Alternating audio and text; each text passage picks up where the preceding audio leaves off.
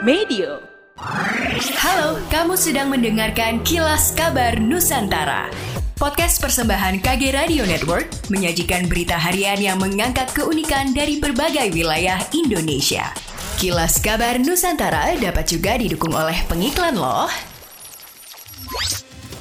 pendirian dan penyelenggaraan perguruan tinggi swasta dikatakan oleh Teddy Manueke, Ketua Asosiasi Badan Pengurus Perguruan Tinggi Swasta Indonesia Sulawesi Utara harus mengacu pada Undang-Undang Nomor 12 Tahun 2012 tentang pendidikan tinggi. Beberapa syarat yang harus dipenuhi di antaranya perguruan tinggi swasta didirikan oleh badan hukum atau yayasan, kemudian memiliki bangunan kampus dengan luas tertentu, memiliki dosen yang cukup di mana satu program studi minimal lima orang dosen bergelar S2 sesuai dengan bidang ilmu, memiliki statuta perguruan tinggi, memiliki sarana prasarana, tenaga kependidikan yang mengurus administratif dan mahasiswa. Menghadapi tantangan yang semakin dinamis, Manueke meminta perguruan tinggi swasta bersikap responsif dan juga mampu memberi solusi yang tepat. Selain itu, ia juga mengingatkan terkait pengelolaan keuangan yang sehat dan menunjang penyelenggaraan pendidikan tinggi.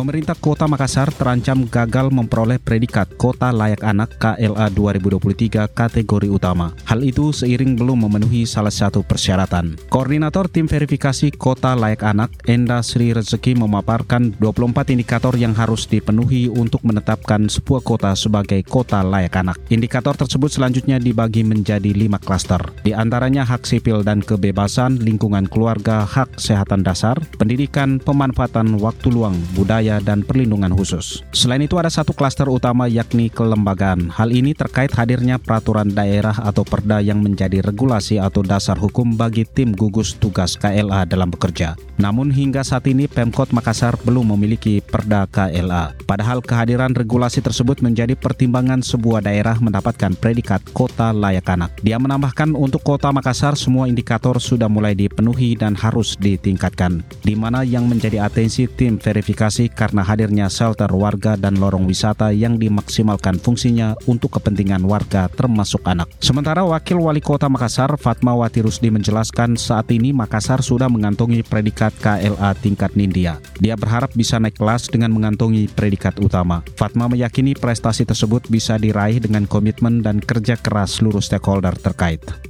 Gubernur Kalimantan Barat, Haji Sutarmiji, didampingi Sekretaris Daerah Provinsi Kalimantan Barat, Dr. Harrison, melepas keberangkatan calon jemaah haji menuju embarkasi Batam. Rencananya, mereka akan diberangkatkan dari Batam menuju Jeddah atau Arab Saudi keesokan harinya. Gubernur Kalimantan Barat meminta kepada seluruh calon jemaah haji untuk fokus beribadah mengingat tujuan awal pelaksana haji kloter Kalimantan Barat menuju Jeddah terlebih dahulu. Ia juga meminta kepada para jemaah untuk taat dan patuh pada aturan yang sudah ditetapkan oleh panitia pendamping haji. Hal ini agar situasi kondusif dan tak terjadi hal-hal yang tidak diinginkan, mengingat jumlah jemaah haji dari seluruh dunia yang cukup besar.